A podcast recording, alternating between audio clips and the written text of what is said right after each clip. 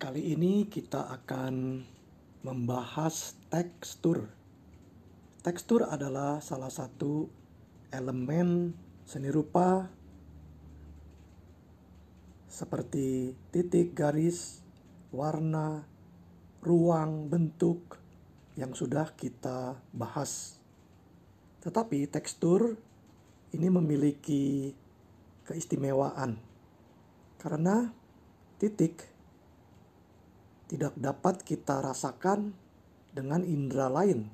Titik harus kita lihat, garis harus kita lihat ya. Bentuk harus kita lihat. Kemudian warna juga. Tetapi tekstur bisa dirasakan dengan indera peraba. Jadi seandainya ada seorang buta, dia tidak bisa memegang warna. Orang buta itu tidak bisa memegang garis yang ada di dalam gambar. Orang buta itu tidak bisa memegang elemen-elemen yang lain selain tekstur. Nah, tekstur adalah elemen yang erat hubungannya juga dengan indera peraba. Tekstur bisa diraba halus, kasar, licin, dan seterusnya. Jadi apakah tekstur itu? Tekstur adalah kualitas suatu permukaan benda. Bisa berupa kertas, dinding, kulit manusia, kulit binatang, semua mengandung tekstur. Nah, di dalam seni rupa, tekstur sering dipergunakan.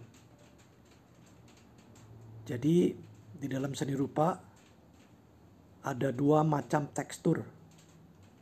Selain tekstur yang bisa diraba, tekstur juga bisa diberi kesan tertentu. Misalnya, kesannya kasar, kesannya halus, tetapi waktu diraba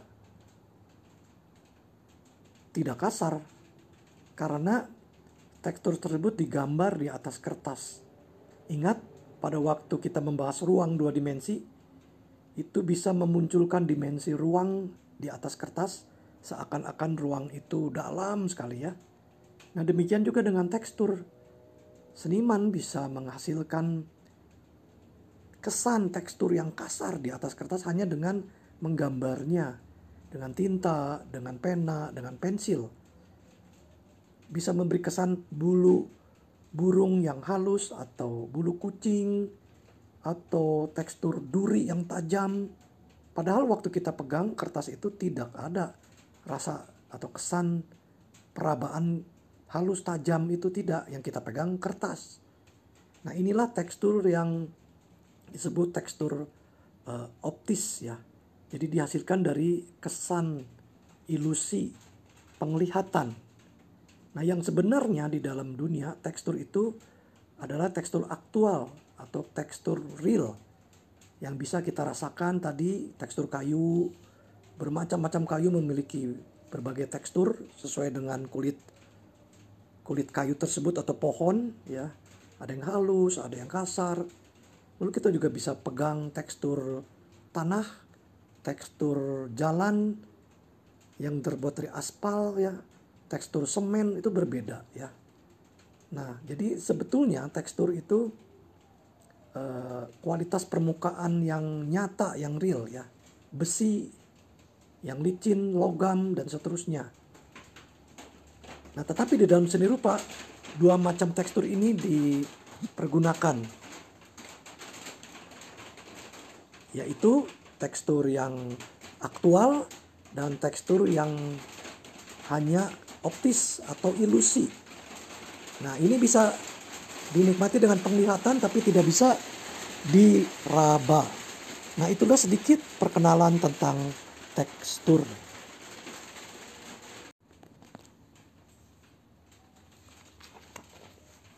Tekstur adalah pengalaman yang selalu menyertai kita sebagai manusia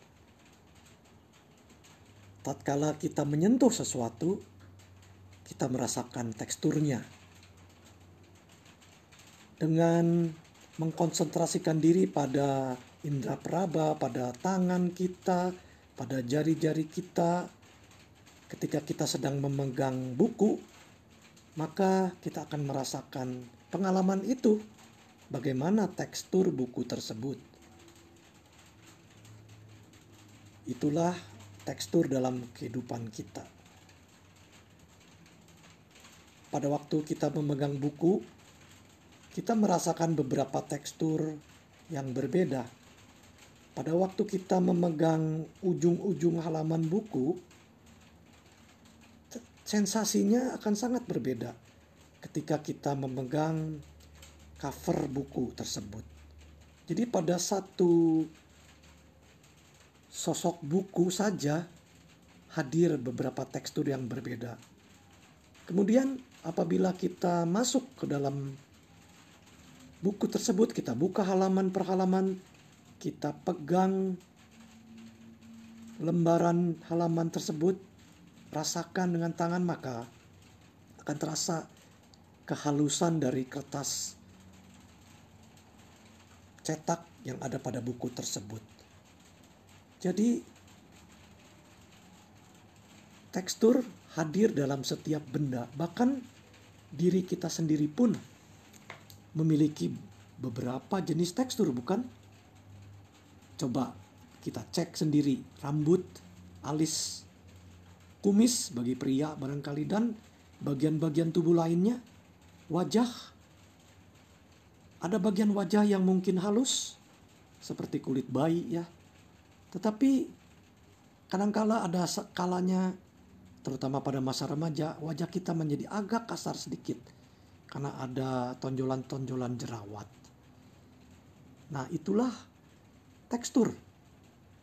Lain lagi kulit kita yang sama ini kita pegang di tumit kita atau telapak kaki itu ada penebalan kulit apalagi kalau musim panas ada penebalan kulit di sana yang menghasilkan tekstur yang berbeda nah jadi dari satu tubuh kita terjadi berbagai macam tekstur belum lagi kalau kita membicarakan penyakit. Penyakit bisa menghasilkan tekstur di kulit kita. Kutil misalkan ya. Lalu cacar dan berbagai penyakit lainnya. Dokter bisa melihat dan mendeteksi dari tekstur saja dia sudah bisa menentukan ini jenis penyakit apa. Nah, itulah uh, tentang tekstur yang kita alami dalam kehidupan sehari-hari. Di sekitar rumah kita pun banyak tekstur.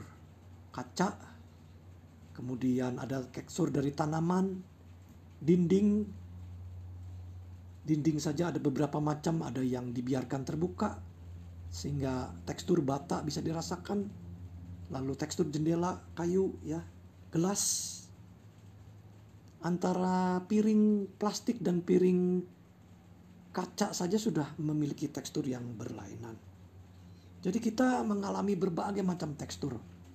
Saya ingat pada waktu saya berada di tingkat pertama di sekolah seni rupa, itu dosen masuk kelas lalu membawa satu karung, kemudian memanggil mahasiswa ke depan, ayo sini ke depan, lalu masukkan tangan ke dalam karung ini rasakan ada berbagai benda. Ini apa? Rasakan, tahu tidak? Jadi tanpa melihat, kita diajar untuk peka terhadap tekstur. Nah, ternyata yang dibawa itu antara lain ada buah-buahan. Berbagai macam buah, alpukat, mangga, dan manggis barangkali ya juga ada ya beberapa macam buah. Dan tentu tidak Duren tidak ikut di bawah ya. Karena selain menyakitkan kita langsung mengetahui. Karena duren itu khas sekali ya teksturnya. Nah, mahasiswa diuji untuk mengetahui tanpa melihat apakah tahu dari teksturnya. Apa buah itu waktu dia pegang? Ini buah apa?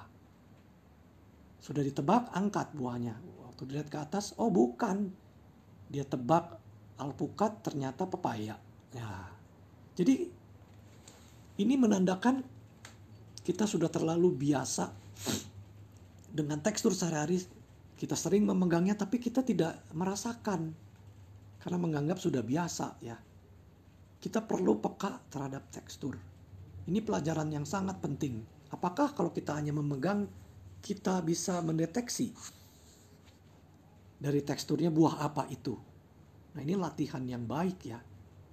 Nah, saya percaya tukang buah kalau diuji seperti ini dia akan lulus 100% ya.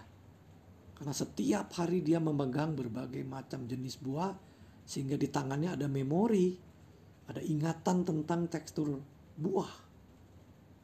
Jadi orang yang dekat dengan uh, tekstur tertentu dengan buah atau apa, dia akan peka.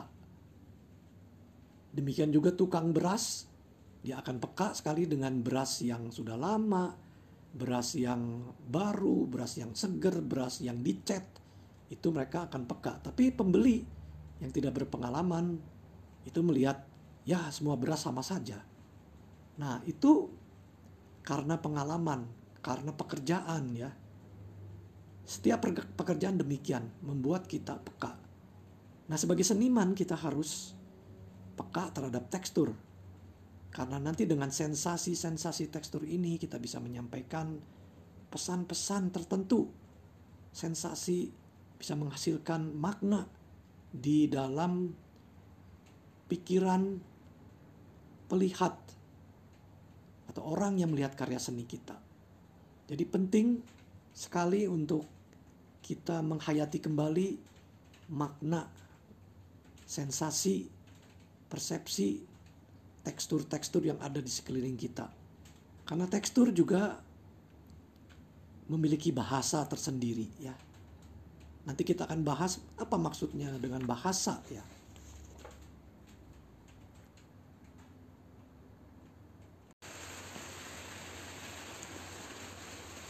Sekarang kita masuk ke dalam bahasa tekstur.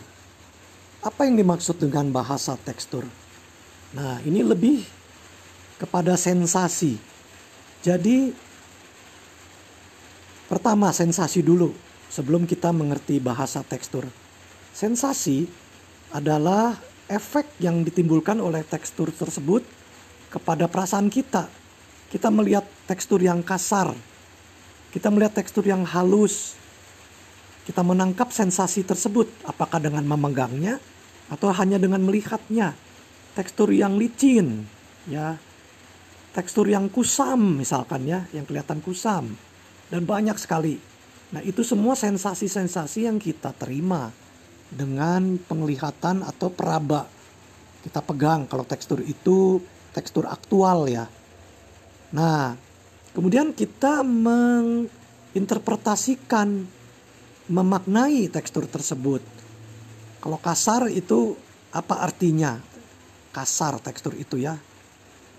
Nah, terkadang hanya sampai pada sensasi karena uh, netral ya tekstur tersebut.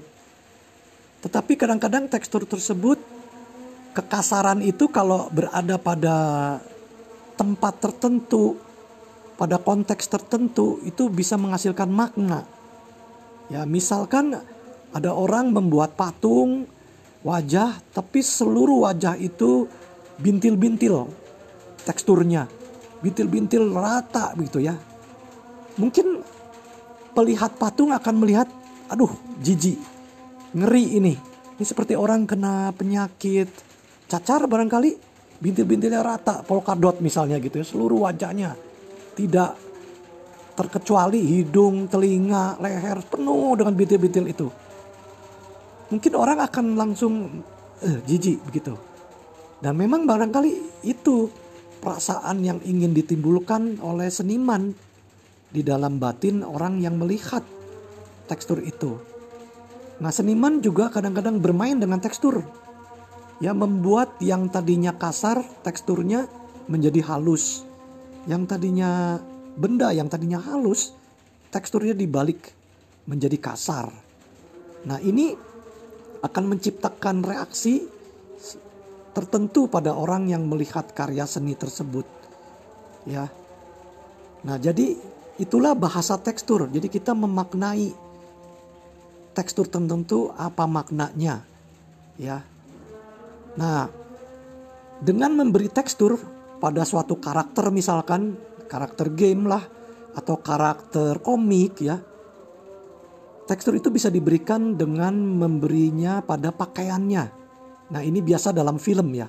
Untuk orang-orang yang karakternya kasar, eh, brutal, bajunya bukan pakai baju linen yang halus, lembut, transparan. Aduh, itu tidak cocok ya. Tetapi diberikan baju yang misalnya dari karung, lalu sebagian dari kulit, lalu sebagian lagi ada elemen lempeng-lempeng besi di baju tersebut. Sepatunya tebal, kulit tebal. Nah, ini semua menghasilkan maaf, tekstur yang cocok sekali dengan karakter dari orang tersebut. Berbadan besar, rahang, keras dan kasar ngomongnya. Tindakannya juga kasar, barbar begitu ya. Itu cocok dengan pakaian dan tekstur yang diberikan. Nah, inilah uh, pentingnya tekstur untuk memperkuat suatu karakter. Juga di dalam uh, gambar komik ya. Juga di dalam uh, film. Nah, ini bagiannya orang fashion ya, memberi karakter pada tokoh-tokoh uh, yang ada ya. Nah, demikian juga kita bisa berikan karakter lebih abstrak lagi misalnya pada buku ada buku tentang alam liar begitu ya. Nah ini pun kita bisa memberikan tekstur uh, cover sampul yang juga kertasnya tertentu yang lebih kasar. Bukan kertas yang halus, transparan, bukan. Tapi kertas yang lebih tebal, berat bukunya ya. Dari kulit barangkali, kulit pohon bisa juga. Nah, jadi tekstur itu berguna sekali untuk menyampaikan pesan ya. Baik di dalam desain grafis, di dalam fashion, di dalam desain produk ya.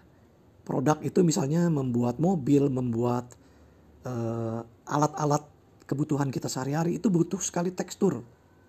Seringkali tekstur yang real.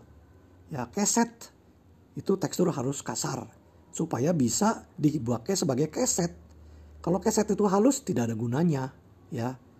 Jadi kita bisa meng, meng apa, membersihkan sepatu kita yang ada lumpurnya dengan keset, ya. Itu keset untuk lumpur. Ada lagi keset yang bisa menyerap air diletakkan di depan pintu kamar mandi. Jadi kalau kaki basah keluar mau masuk ke ruangan dalam rumah itu keset dulu sehingga kering. Nah, sehingga tidak membasahi lantai di dalam rumah. Nah ininya guna gunanya tekstur bisa menyerap, bisa membersihkan. Kita membersihkan lantai dengan sikat yang teksturnya kasar ya. Nah sikat yang sama tetapi lebih halus kita gunakan untuk sikat gigi. Kita tidak sikat gigi dengan sikat WC kan. Walaupun sikat WC itu baru ya. Tapi itu terlalu keras bisa melukai gusi. Apalagi sikat besi ya yang untuk menyikat besi yang dijual di toko besi yang digunakan oleh tukang-tukang. Nah, jadi ada berbagai jenis sikat dan berbagai keperluan dan punya tekstur yang berguna, ya. Nah, banyak lagi cerita tentang tekstur dan maknanya. Tetapi inti dari penyampaian ini tekstur itu bisa menyampaikan pesan, ya. Pesan wanita cantik, kulit halus, Lalu dia memakai baju juga yang lembut. Kemudian agak transparan sehingga kesannya seksi misalnya begitu ya. Nah, itu digunakan di dalam pembentukan uh, karakter komik, film ya. Jadi inilah beberapa contoh dari uh, bahasa tekstur yang kadang-kadang kita bisa membacanya ya tanpa kita sadar kita sudah mengerti gitu ya. Apa rasanya kesannya kalau ada seseorang memakai jaket kulit itu berbeda dengan dia memakai jaket jeans. Jeans itu ada kesan uh, lebih apa ya bebas, lebih kasual dibandingkan jaket kulit. Kulit kadang-kadang dikesankan uh, bisa dikesankan dengan orang yang preman barangkali ya seperti Hell Angels memakai jaket kulit lalu menaik mengendarai motor moge yang besar yang bunyinya keras ya. Pakai jaket kulit semua lalu bertato dan di jaket itu ada emblem-emblem ada lambang-lambang. Nah itu punya pesan tertentu ya. Lain lagi dengan jaket kulit yang dipakai oleh seorang wanita cantik ya. Lalu jaket kulit itu berwarna merah misalnya. Nah beda sekali dengan jaket berbulu. Nah, ini semua membawa pesan juga di dalam lukisan, juga di dalam desain grafis. Tekstur itu dapat membawa pesan, jadi tekstur itu berbicara punya bahasa tersendiri ya. Bahkan dalam bahasa sehari-hari kita juga menggunakan istilah-istilah tekstur ya. Misalnya kamu jangan kasar dong. Dia orangnya halus loh. Nah, itu dari mana istilah kasar halus? Itu dari bahasa visual, bahasa tekstur atau bahasa rabaan ya. Jadi orang diibaratkan karakternya kasar seperti kekasaran dari suatu benda ya. Demikian sebaliknya orang diibaratkan halus ya. Seperti tekstur tertentu. Nah inilah bahasa tekstur yang bisa kita kembangkan dalam desain dan seni kita berjumpa lagi dengan tekstur. Ini ada empat tipe tekstur. Kita bisa menggolongkan berbagai tekstur ke dalam berbagai kategori seperti yang saya sudah kemukaan, kemukakan di depan ada tekstur yang aktual, tekstur yang nyata, yang real ya. Itu biasanya kita bisa raba sesuai dengan apa yang kita lihat kalau dia kasar, kita pegang kayu itu juga memang kasar. Karena memang kayunya nyata gitu ya. Tapi ada juga tekstur yang optis, yaitu yang diciptakan di atas kertas oleh keterampilan gambar seniman. Seperti kayu yang kasar gambarnya ya, batang kayu. Waktu kita pegang, eh tidak kasar. Yang kita pegang tekstur kertasnya, karena digambar di atas kertas ya tapi kesannya wih mirip ya.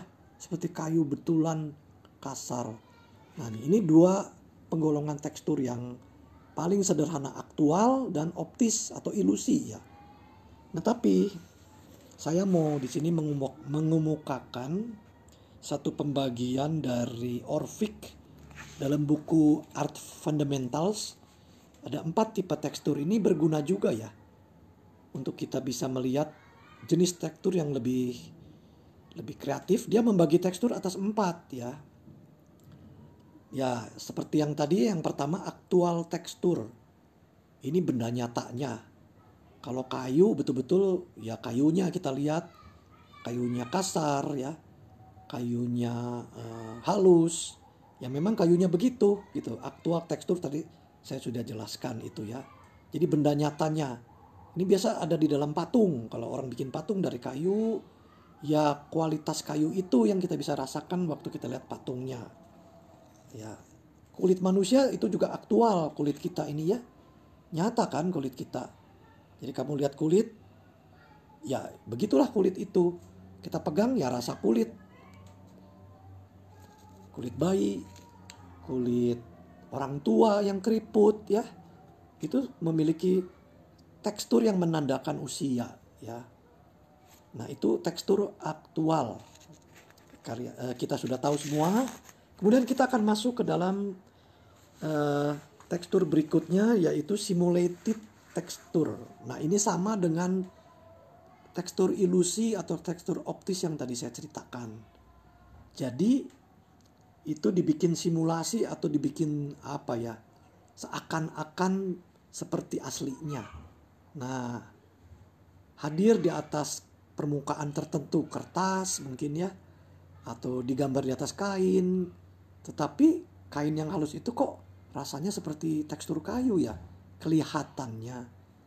Waktu dipegang ya tetap kain ya karena itu digambar.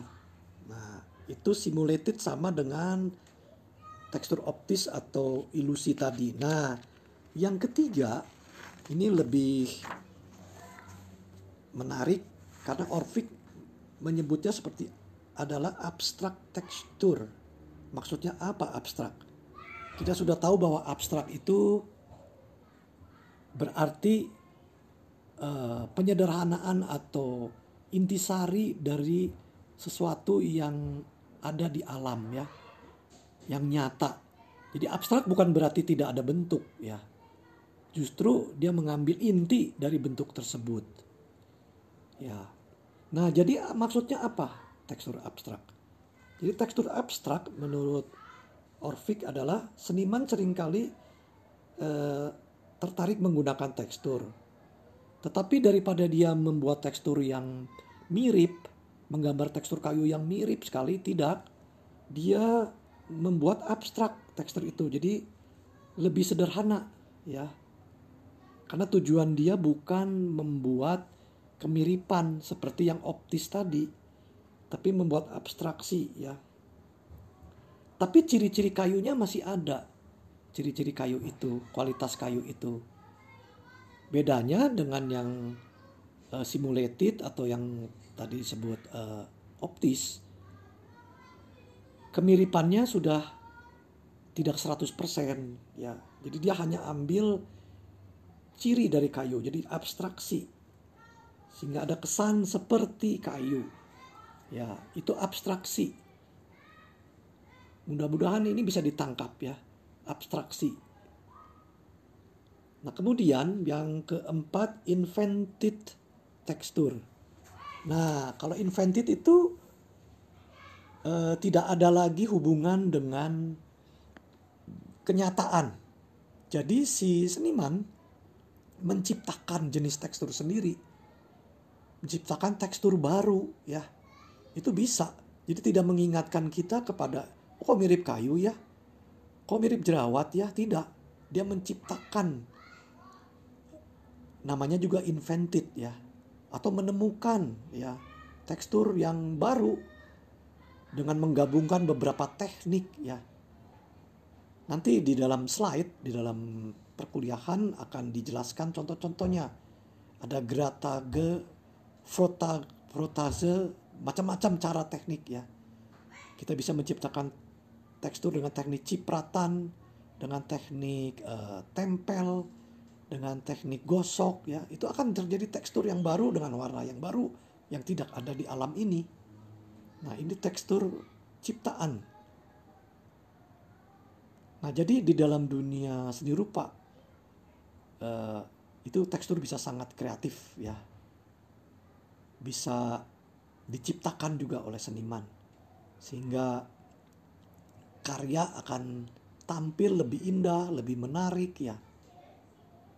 Nah tentu juga tekstur ciptaan ini nanti memiliki makna persepsi tertentu.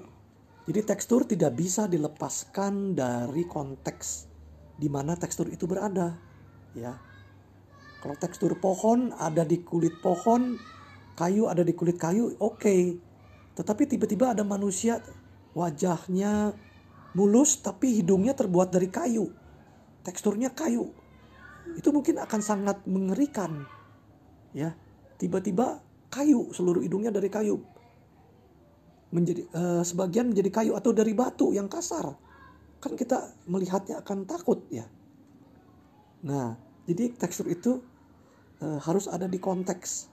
Kalau dia keluar dari konteks, maka maknanya juga akan lain.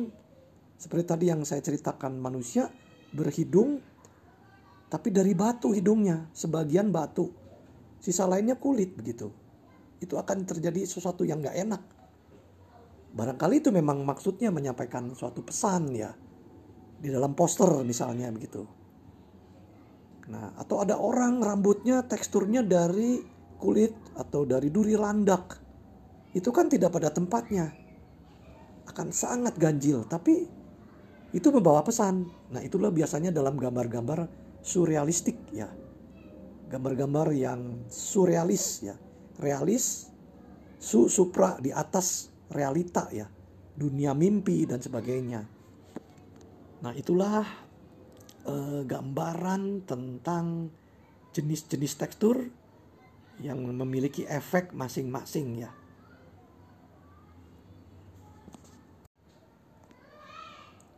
Baik, kita berjumpa lagi dengan tekstur. Kali ini kita akan membicarakan tekstur dan desain. Menggunakan tekstur dalam desain. Nah, menggunakan tekstur dalam desain, desain grafis, desain fashion, desain interior, itu bisa menggunakan tekstur yang real atau tekstur aktual.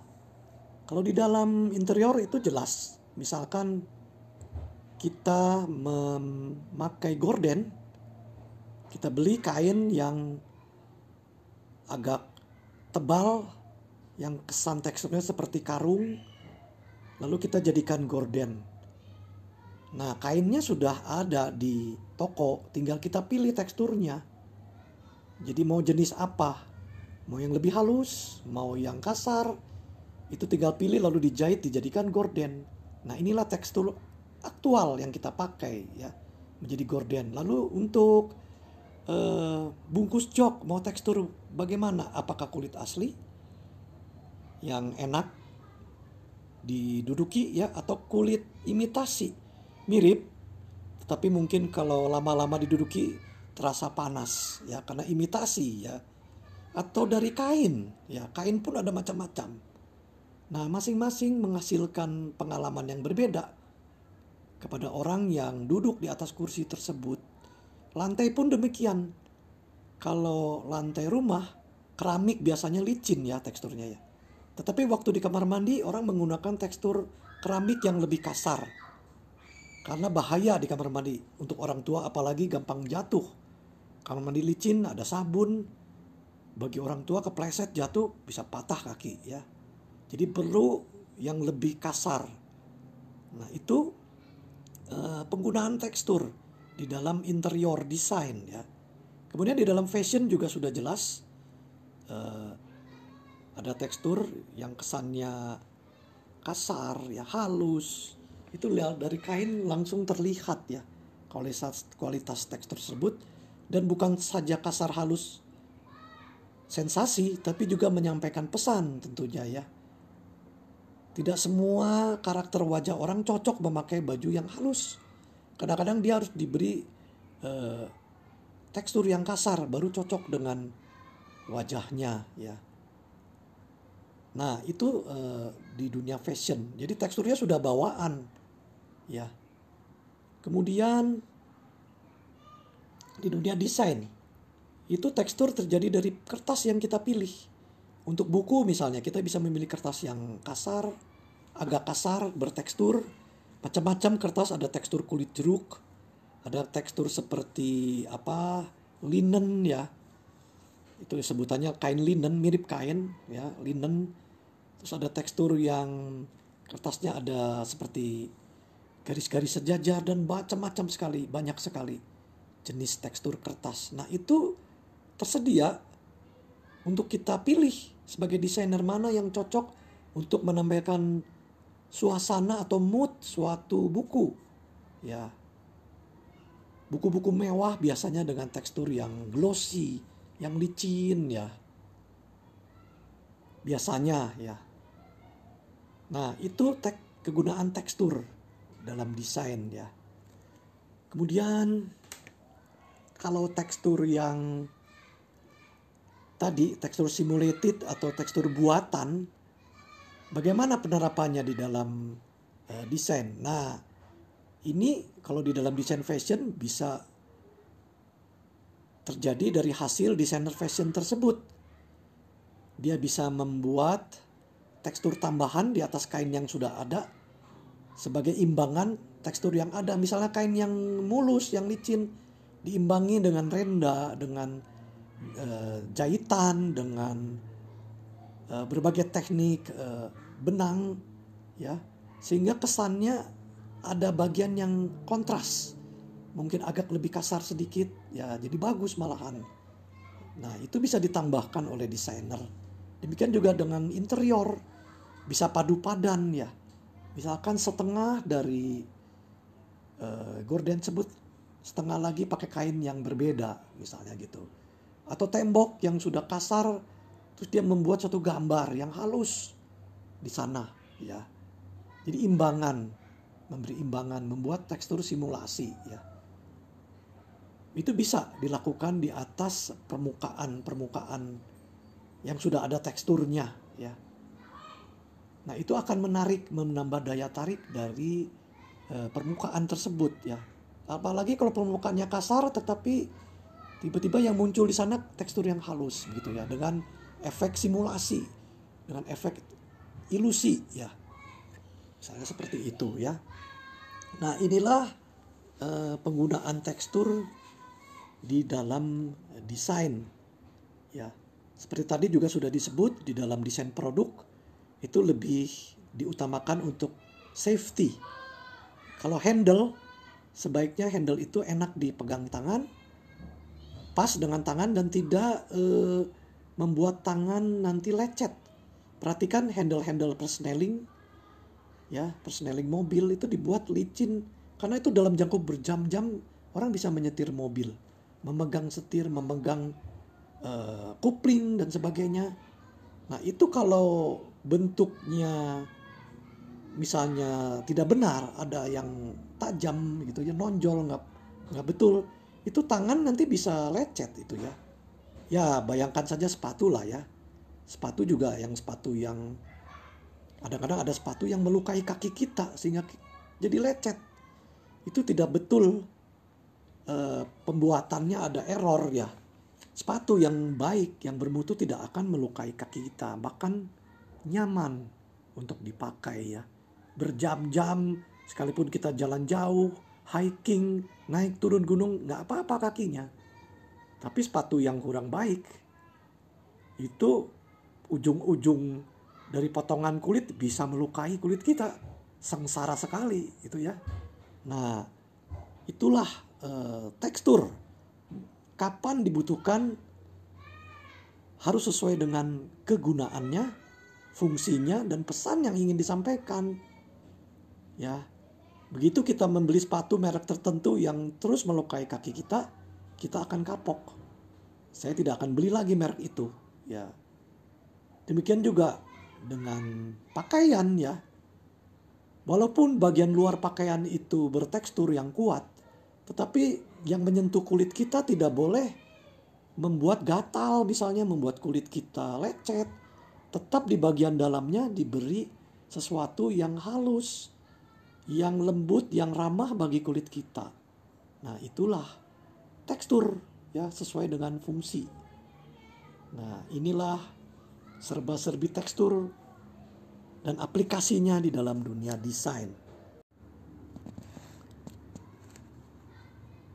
Pada bagian ini kita akan membahas sedikit tentang makna yang ditimbulkan oleh tekstur. Jadi persepsi manusia terhadap tekstur. Jadi tekstur memang bisa memprovokasi emosi kita, kesan kejiwaan tertentu ketika kita melihatnya secara umum terbagi dua respons ya, yaitu menyenangkan dan tidak menyenangkan. Nah, secara umum itulah eh, reaksi yang ditimbulkan oleh tekstur. Ada yang menyenangkan, ada yang tidak menyenangkan. Kita bisa lihat dari pengalaman kita melihat tekstur dalam kehidupan sehari-hari ya. Nah, kenapa itu bisa terjadi? Tadi sudah dibahas sedikit ya. Nah, tekstur yang menyenangkan atau tidak menyenangkan ini terjadi akibat konteks. Apa maksudnya konteks? Konteks adalah di mana tekstur tersebut berada, di mana tekstur tersebut uh, ditempatkan atau terasosiasi dengan apa tekstur tersebut. ada di lingkungan apa tekstur tersebut ya juga berhubungan dengan pengalaman kita ya berhubungan dengan objek berhubungan dengan person nah inilah yang membuat tekstur tersebut memiliki makna ya jadi sekali lagi lingkungannya lalu pengalaman-pengalaman kita objek-objek tertentu lalu pribadi atau person tertentu. Nah, ini yang uh, menimbulkan makna-makna tertentu ya. Lingkungan juga bisa menghasilkan makna ya.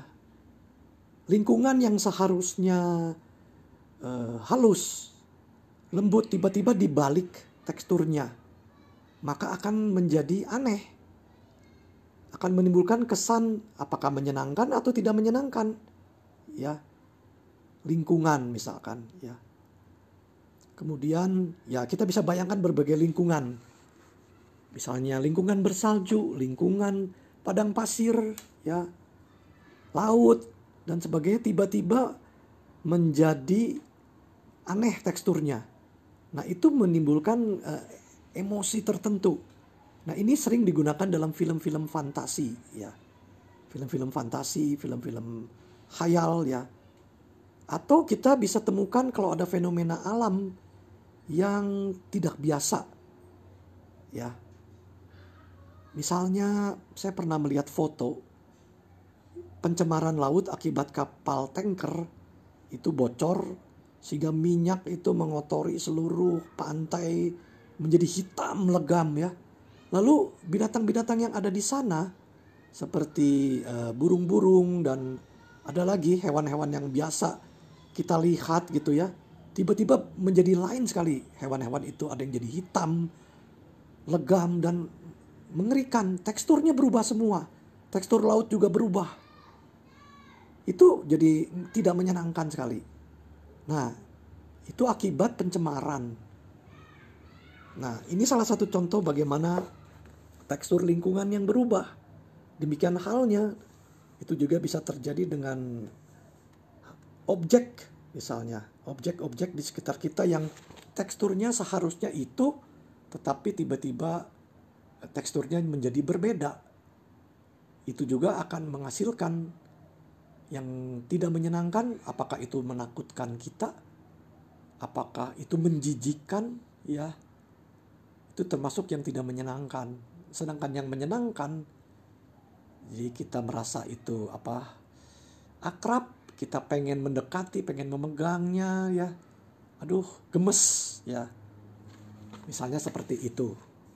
Nah, itu dari objek, lalu juga ada person, tadi saya sudah sebutkan, bagaimana kalau kulit orang berubah dan sebagainya. Nah, inilah yang terjadi ya dengan tekstur ya. Selain itu, eh, faktor-faktor psikologis lain adalah tekstur juga memiliki makna simbolik, makna perlambangan ya. Makna simbolik perlambangan itu berarti makna yang disepakati oleh komunitas tertentu atau oleh uh, apa kelompok orang tertentu Contoh ya, ini tentang simbol. Kalau burung Garuda bagi orang Indonesia itu lambang negara. Ya, tapi kalau burung Garuda itu diperlihatkan di Eskimo atau di kutub utara orang-orang Eskimo melihat burung Garuda itu ya dia melihatnya sebagai burung saja. Karena nggak ada makna lambang itu kita mengerti karena diajar di sekolah bahwa ini lambang negara begitu ya. Tapi bagi orang itu, orang yang tidak tahu, berada di daerah yang jauh, ini burung biasa. Begitu. Karena kita yang mengetahui simbol itu. Nah, demikian juga dengan tekstur. Bagi kelompok manusia tertentu ada tekstur yang berarti tertentu juga bagi mereka. Seperti seperti warna. Merah di Amerika Latin berarti lain dengan merah di Cina. Ya, karena simbolik maknanya. Nah, itulah tekstur. Jadi tekstur juga memiliki makna simbolik atau makna yang lain adalah makna asosiatif. Asosiatif itu adalah makna yang kita hubungkan dengan sesuatu yang lain. Ya, misalnya kita melihat tekstur tertentu lalu kita ingat apa? Misalnya kita lihat roti. Ada tekstur tertentu terus kita bilang ini kok lucu ya rotinya.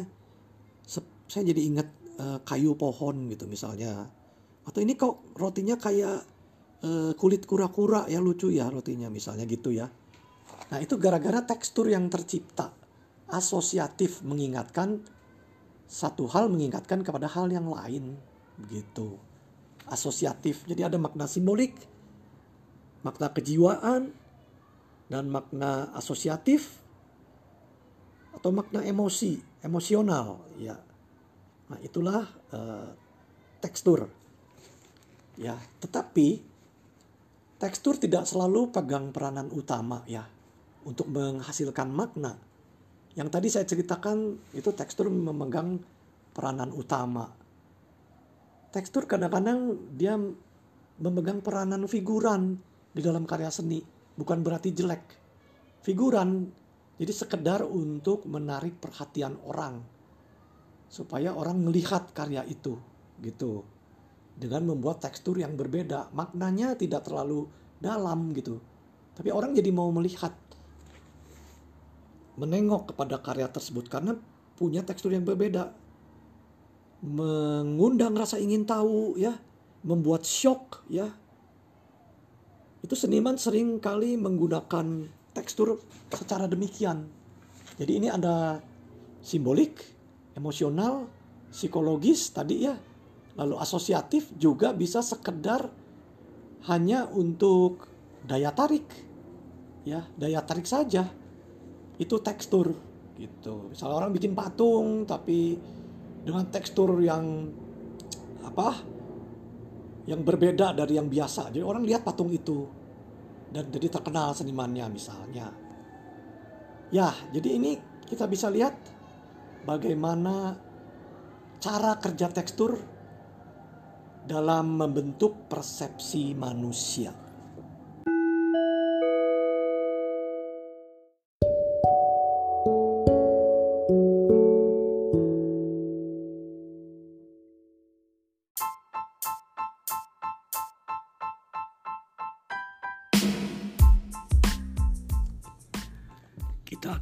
Membicarakan kinesik. Kinesik adalah studi atau ilmu yang mempelajari gerak tubuh manusia. Maknanya bisa simbolik atau metafor di dalam suatu interaksi sosial. Nah, kinesik ini berasal dari kata kinesis yang berarti gerakan jadi ini ilmu yang mempelajari tentang gerakan tangan, tubuh, lengan, wajah, dan semua bagian-bagian tubuh manusia. Gestur, postur juga termasuk lalu kontak mata, gerakan kepala, semua ini memiliki makna kinesik ini diawali oleh seorang antropolog bernama Ray Birdwhistle pada tahun 1952. Nah, gerakan kinesik atau makna gerak pada tubuh manusia ini bisa menekankan suatu pemikiran, perasaan, mood, tujuan, sikap ya yang dikombinasikan dengan ucapan. Jadi mempelajari kinesik membuat seseorang dapat lebih mengerti komunikasi yang disampaikan oleh manusia. Nah, komunikasi ini bisa selaras dengan ucapan, geraknya bisa selaras dengan apa yang diucapkan, bisa juga bertentangan jadi ini bisa untuk mendeteksi kejujuran mungkin atau ketulusan dari orang yang mengucapkan iya. Padahal geraknya mengatakan tidak setuju padahal geraknya mengatakan tidak setuju. Nah inilah yang menjadi bagian di dalam ya, bahasa tubuh. Nah kemudian mengapa kita mempelajari ini sebagai desainer? Karena ini bermanfaat sekali bagi orang yang ingin membuat film, ingin membuat komik, iklan, bahasa tubuh ini sangat penting karena bahasa tubuh yang benar itu akan meyakinkan orang yang melihat iklan kita, film kita ya dan juga menyampaikan pesan sesuai yang kita inginkan, pesan yang tepat ya. Nah, inilah ilmu kinesik yang dipikirkan atau yang ditemukan oleh Ray Birdwhistell pada tahun 1952. Nah, sebetulnya studi gerak ini sudah bermula sejak lama. Orang Romawi dan orang Yunani juga sudah memikirkannya dan berpikir bahwa gerak itu harus persuasif jika sedang berpidato misalnya. Jadi kalau gerak yang tidak sesuai gerak yang kaku itu akan mengurangi kekuatan dari pidato. Nah, jadi itu dipelajari di dalam sekolah-sekolah teater, drama, ya, pidato untuk meyakinkan orang, meyakinkan pendengar Kemudian di abad pertengahan hanya sedikit orang yang bisa membaca atau menulis. Nah, biasanya dokumen-dokumen itu harus disahkan dengan gestur-gestur tertentu. Ya, misalnya iluminasi di abad pertengahan itu mengilustrasikan berbagai gestur yang dipergunakan pada abad pertengahan di bidang hukum maupun di bidang politik. Kemudian gestur atau gerak di dalam tari-tarian atau dalam teater itu juga sudah diteliti di India oleh Natya Sastra kira-kira 200 tahun sebelum Masehi. Nah, dalam karya ini digambarkan bagaimana emosi dapat diungkapkan atau diinspirasikan kepada penonton melalui gerakan-gerakan. Nah, kemudian berlanjut studi-studi mengenai gerak. Ada yang meneliti tentang gestur tangan ya, bagaimana caranya menggunakannya secara efektif di dalam bicara Kemudian Charles Darwin sendiri meneliti bagaimana ekspresi emosi di dalam manusia bahkan di dalam binatang ya. Lalu banyak lagi ada Garrick Mallory tahun 1882 membuat perbandingan gerak Indian Amerika bagaimana gerak tangan orang-orang Indian dibandingkan dengan orang-orang lain. Nah, jadi studi tentang gerak ini menarik. Nah, bagi kita um, desainer atau ilustrator ini berguna sekali. Jadi, seorang ilustrator dapat menggambarkan gerak yang meyakinkan sesuai dengan emosi dari tokoh-tokoh komiknya misalnya ya. Gestur yang sesuai dengan uh, keadaan batin dari tokoh-tokoh yang digambarkan. Dan itu semua akan terlihat uh, wajar tidak kaku ya. Dengan kewajaran itu manusia yang sudah terbiasa membaca gerak dari pergaulan sehari-hari pun akan dapat menangkap pesan melalui gerak yang digambarkan. Nah, jadi ini sangat penting kinesik bukan saja bagi psikolog atau penari, tetapi juga bagi desainer.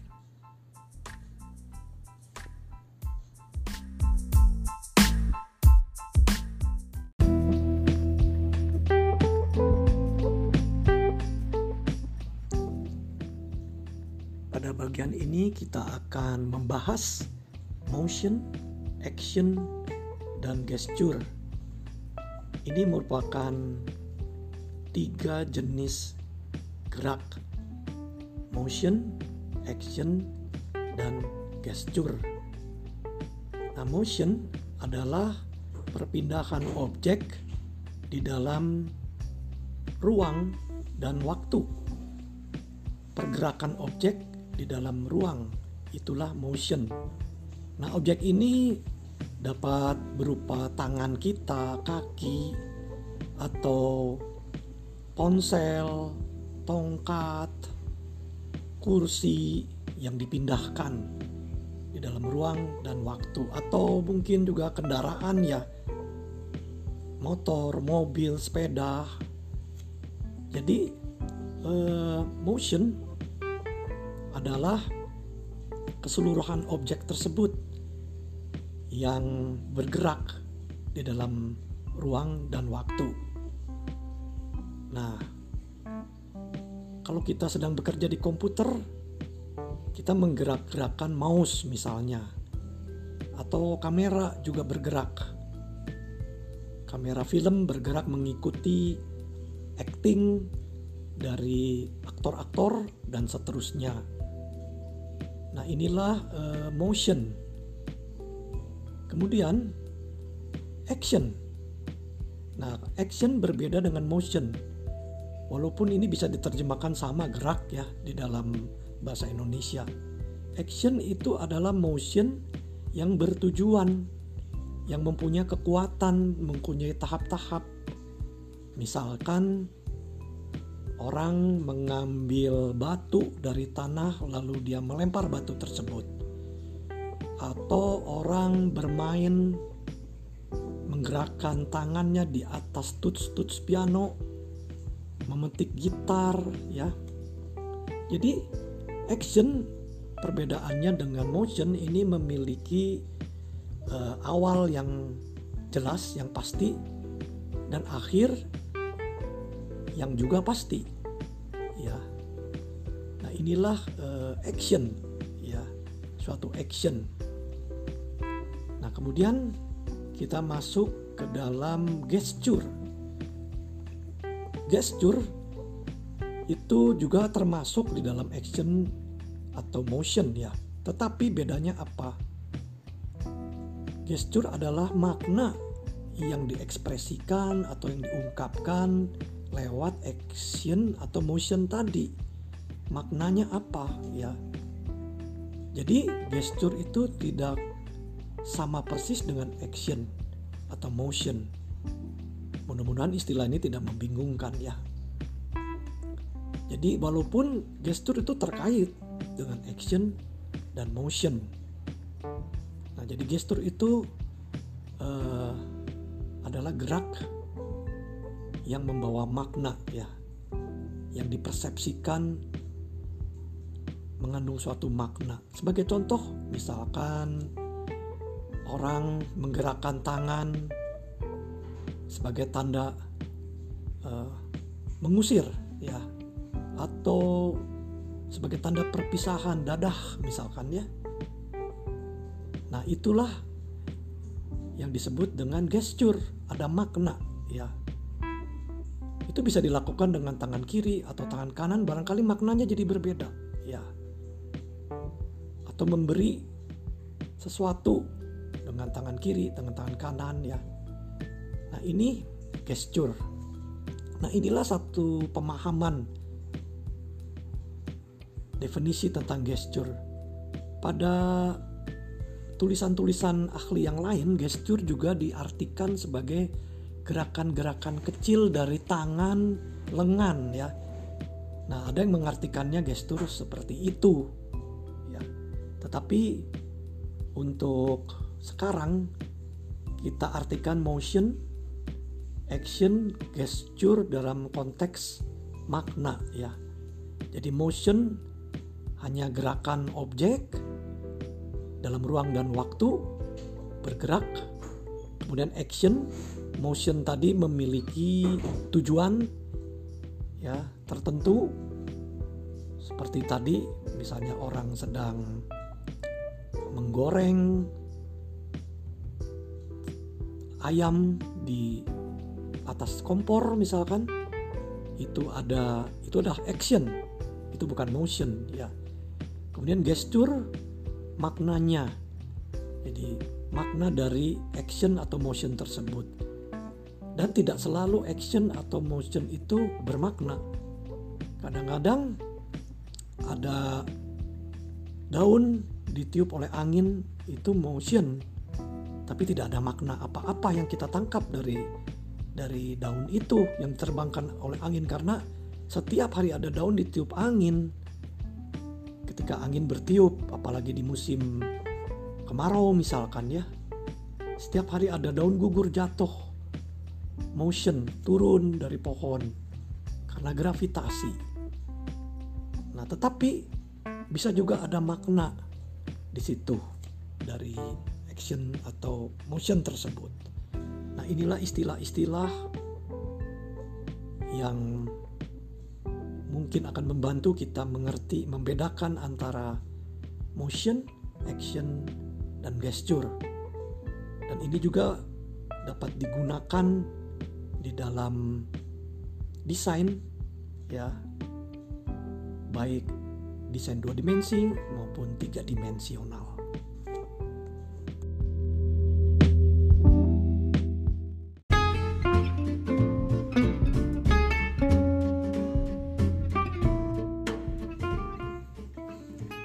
kembali ke kinesik dari Bert Wistel. Kinesik ternyata terus berkembang dan dikembangkan oleh para ilmuwan lain. Pada awal abad ke-21, ada seorang ilmuwan bernama Kuhn menambah okulesik, yaitu perilaku gerak mata. Haptics, perilaku sentuhan. Proxemics, yang sudah pernah kita pelajari gerak dalam ruang. Ini dipadukan dalam satu sistem. Yang pertama motorik, gerak, gerak motorik, kemudian orientasi, lalu haptik atau sentuhan, dan yang keempat adalah locomotion. Kita akan bahas satu-satu ya. Motorik atau gerak motorik itu terbagi atas tiga mimik. Nah, mimik ini sesuai dengan maknanya dalam bahasa Indonesia ya. Mimik, mimik muka, yaitu gerak dari wajah manusia. Mimik ya. Jadi kita bisa memaknai mimik muka seseorang. Apakah itu mengandung emosi atau reaksi-reaksi tertentu mimik orang kepedasan ya keasaman karena makan asam misalkan itu mimik muka atau ungkapan emosi merengut menangis ya. Semua itu menggerakkan air muka. Nah kemudian ada pantomimics. Mungkin sering lihat dari permainan pantomim ya. Gerak teater bisu. Pantomimics ini adalah gerak dan posisi seluruh tubuh yang bermakna. Nah, itu disebut pantomimik. Jadi gerak tubuh dan posisi-posisinya dalam ruang itu ada makna, makna tertentu ya. Orang berjongkok, orang berdiri, orang memancing ya. Orang sedih, dia memegang hatinya lalu kepala agak bungkuk diperkuat dengan mimik muka ya orang gembira. Itu semua pantomimik kemudian gesture nah di sini gesture diartikan sebagai gerak dari tangan dan lengan. Ya itu gesture ya. Nah ini semua mm, memiliki makna. Ada yang khusus seperti makna gestur-gestur bagi orang bisu ya. Bisu tuli tunarungu itu diciptakan bahasa gerak tangan nah ini menggunakan gestur. Jadi seperti abjad ini bisa dimengerti maknanya. Nah dari motorik kemudian bagian kedua adalah orientasi reaksi. Jadi orientasi atau arah dari tatapan mata itu juga memiliki makna ya. Tatapan mata ke atas, ke kiri, ke kanan memiliki makna. Orang yang mendengar, misalkan katanya makna, matanya menatap ke sebelah kanan, misalkan itu orang sedang mendengar. Kalau ke atas, lirikan mata itu membayangkan yang visual dan seterusnya itu bisa dipelajari ya. Lalu orientasi eh, kepala, arah kepala manusia juga memiliki makna. Misalnya orang yang sinis, kita bisa bayangkan bagaimana uh, orientasi kepalanya. Orang yang lesu, yang putus asa. Nah, ini semua berguna untuk menggambarkannya di dalam komik ya, di dalam uh, ilustrasi bahasa tubuh. Kemudian orientasi dari torso bagian atas tubuh manusia. Nah, ini juga semuanya bersatu padu menyampaikan makna tertentu. Nah, kita masuk ke bagian tiga yaitu haptics atau sentuhan. Sentuhan apa? Jadi orang memiliki kecenderungan untuk menyentuh sesuatu ya. Dalam pergaulan sehari-hari kita sering menemui teman-teman tertentu ada yang sering kalau berkomunikasi sedikit-sedikit menyentuh tubuh kita, memeluk, memegang ya, menuel, menepak ya. Tapi ada juga orang lain yang e, minim sekali sentuhan, tidak berani atau merasa tidak sopan ya. Dan dalam budaya-budaya tertentu ada yang banyak menggunakan sentuhan. Ada yang juga berjarak, begitu. Nah, inilah bagian dari haptik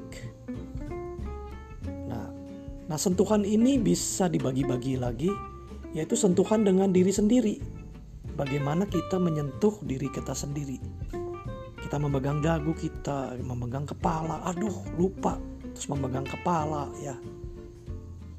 Atau mengusap-usap hidung, mengusap-usap mata. Tidak selalu fungsional karena memang hidung itu gatal ya tapi bisa memiliki makna simbolik gitu ya.